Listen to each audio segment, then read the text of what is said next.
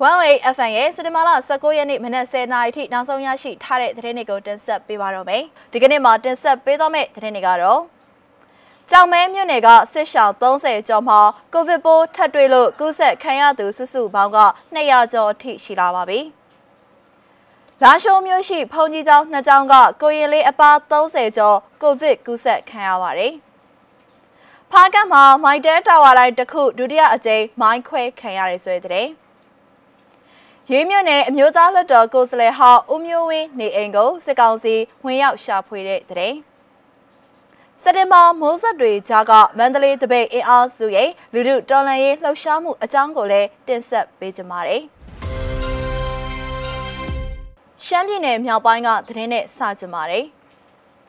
ကြောင်မဲမြို့နယ်မိုင်းတင်းကျေးရွာအုပ်စုတဲကစစ်ရှောင်း34ဦးစီမှာကိုဗစ်ရောဂါပိုးထပ်တွေ့ခဲ့တယ်လို့ရွှေဖီမြေသတင်းမှာဖော်ပြထားပါတယ်။မိုင်းတင်းကျေးရွာအုပ်စုပင်ခါစစ်ရှောင်းစခန်းမှာ29ဦးနဲ့နာမွန်စစ်ရှောင်းစခန်းမှာ9ဦးပိုးတွေ့တဲ့အကြောင်းကိုအခုလ18ရက်နေ့တုန်းကအတည်ပြုနိုင်ခဲ့ပါတယ်။ပင်ခါနာမွန်အပြင်မန်ကြောင်နန်းစော့မိုင်းငေါမှာရှိတဲ့စစ်ရှောင်းစခန်းတွေမှာပိုးတွေ့သူ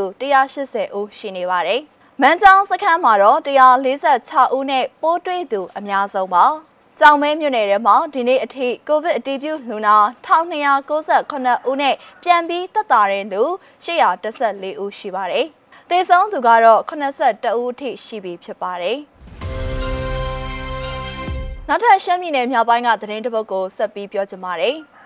ရှမ်းပြည်နယ်မြောက်ပိုင်းလာရှိုးမြို့မှာရှိတဲ့ဘုံကြီးကျောင်းနှစ်ကျောင်းကကိုရင်လေးအပါ30ကျော်ကိုဗစ်ရောဂါပိုးကူးစက်ခံရတဲ့အကြောင်းရွှေဖီမြေရဲ့သတင်းမှာဖော်ပြထားပါတယ်။ကူးစက်ခံရတာကတော့မန်အိုင်ဖုန်ကြီးကျောင်းကကိုရင်လေး18ပါးနဲ့သာသနာအေးဖုန်ကြီးကျောင်းကကိုရင်လေး73ပါးတို့ပါ။လာရှိုးမြို့နယ်ထဲမှာဒီနေ့အထိယောဂဘိုးရှိသူ2985ဦးနဲ့တက်တာသူ2555ဦးပါ။သေဆုံးသူကတော့200ကျော်နေပါပြီ။ လာရှုံးမြို့နယ်ကို stay home အဖြစ်စစ်ကောင်စီလက်အောက်ခံကျန်းမာရေးနဲ့အားကစားဝန်ကြီးဌာနကဇွန်လ26ရက်ခရဲကကြေညာခဲ့ပါတယ်။လာရှိုးအပြင်တိန်နေမူဆယ်နမတူနန့်ဆန်မုံမိတ်နဲ့ကြောင်မဲမြို့နယ်ရှိဖုန်ကြီးကျောင်းတီလာရှင်ကျောင်းတွေမှာလည်းကူးစက်ခံရသူက400လောက်အထိရှိလာပြီဖြစ်ပါတယ်။ဆက်လက်ပြီးတော့ကချင်ပြည်နယ်ဖားကန်းမြို့နယ်ကသတင်းကိုတင်ဆက်ပေးကြပါမယ်။ ကချင်ပြည်နယ်ဖားကန်းမြို့နယ်စိတ်မူစိုင်တောင်ကျေးရွာကမိုက်တာတာဝါတိုင်းကိုစက်တင်ဘာလ18ရက်နေ့ည9နာရီခွဲလောက်ကဒုတိယအကြိမ်ထပ်မံမိုင်းခွဲခဲ့ကြောင်းသိရပါဗျ။ပောက်ကွဲတံကြားခဲ့ရပြီးမိကုံးငွေတွေမြင်ခဲ့ရကြောင်းကိုမြင့်မြင့်တွေ့ရှိတဲ့ဒေတာကန်တအုပ်က The 74 Media ကိုပြောကြောင်းသိရပါတယ်။ကြောက်သွေးတော်အနောက်ကဖျက်ဆီးခံရတာမိကုံးတွေမြင်နေရတယ်။တာဝါတိုင်းဖောက်ခွဲခံလိုက်ရတာပြိုတော့မပြိုကျဘူးလို့သူကပြောပါတယ်။မိုက်တဲတာဝါတိုင်းကို ညီတီအဖွဲ့အစည်းကဖျက်ဆီးလိုက်တယ်ဆိုတာကိုမသိရှိရကြောင်းလဲသူကဆက်ပြီးပြောပါတယ်။စိတ်မူစိုင်တောင်ကျေးရွာရှိမိုက်ဒယ်တာဝါတိုင်းဟာစက်တင်ဘာလ16ရက်နေ့မှာလေတကြိမ်ဖောက်ခွဲခံရပြီးပြီပဲဖြစ်ပါတယ်။ဖားကမ်းမြို့နယ်မှာဖုန်းအင်တာနက်လိုင်းနဲ့ Wi-Fi လိုင်းတွေအားလုံးဩဂုတ်လ20ရက်နေ့ကစပြီးဒီနေ့အထိဖြတ်တောက်ခံထားရဆဲပဲဖြစ်ပါတယ်။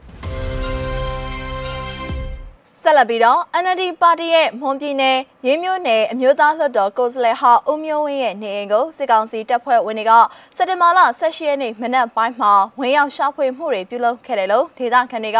ဒေသအခြေဆိုင်တန်လီတိုင်းသတင်းဌာနမှဖော်ပြထားပါတယ်။အခုလိုဝင်ရောက်ရှာဖွေခဲ့ပေမဲ့ဖမ်းဆီးခံရသူတဦးမှမရှိဘူးလို့ဦးမျိုးဝင်းကသူ့ရဲ့လူမှုကွန်ရက်ပေါ်မှာရေးသားထားပါတယ်။ စစ်ကောင်စီစန့်ကျင်ရေးလှုပ်ရှားမှုတွေမှာပါဝင်သူတွေကိုစစ်တပ်ကရှာဖွေဖမ်းဆီးမှုစတင်ခြင်းကလေးကဦးမျိုးဝင်းကနေအိမ်မှာမနေတော့ပဲတင်းရှောင်နေတာလို့ဒေသခံတွေကဆိုပါတယ်။ရင်းမျိုးနယ်မှာတော့စစ်တပ်ပိုင်းမိုက်တာတာဝါတိုင်းတွေဖျက်ဆီးခံနေရသလိုစစ်ကောင်စီတပ်ဖွဲ့ဝင်တွေလည်းတပ်ဖြတ်လုပ်ကြံခံနေရပါတယ်။ ဒါကြောင့်မြို့ပေါ်မှာ PDF တပ်ဖွဲ့တွေခေါ်လုံနေနိုင်တယ်ဆိုတဲ့ယူဆချက်တွေနဲ့စစ်ကောင်စီတပ်ဖွဲ့ဝင်တွေဟာနေအချို့ကိုဝင်ရောက်ရှာဖွေမှုတွေကိုနေရောညပါပြုလုပ်နေတာဖြစ်ပါတယ်။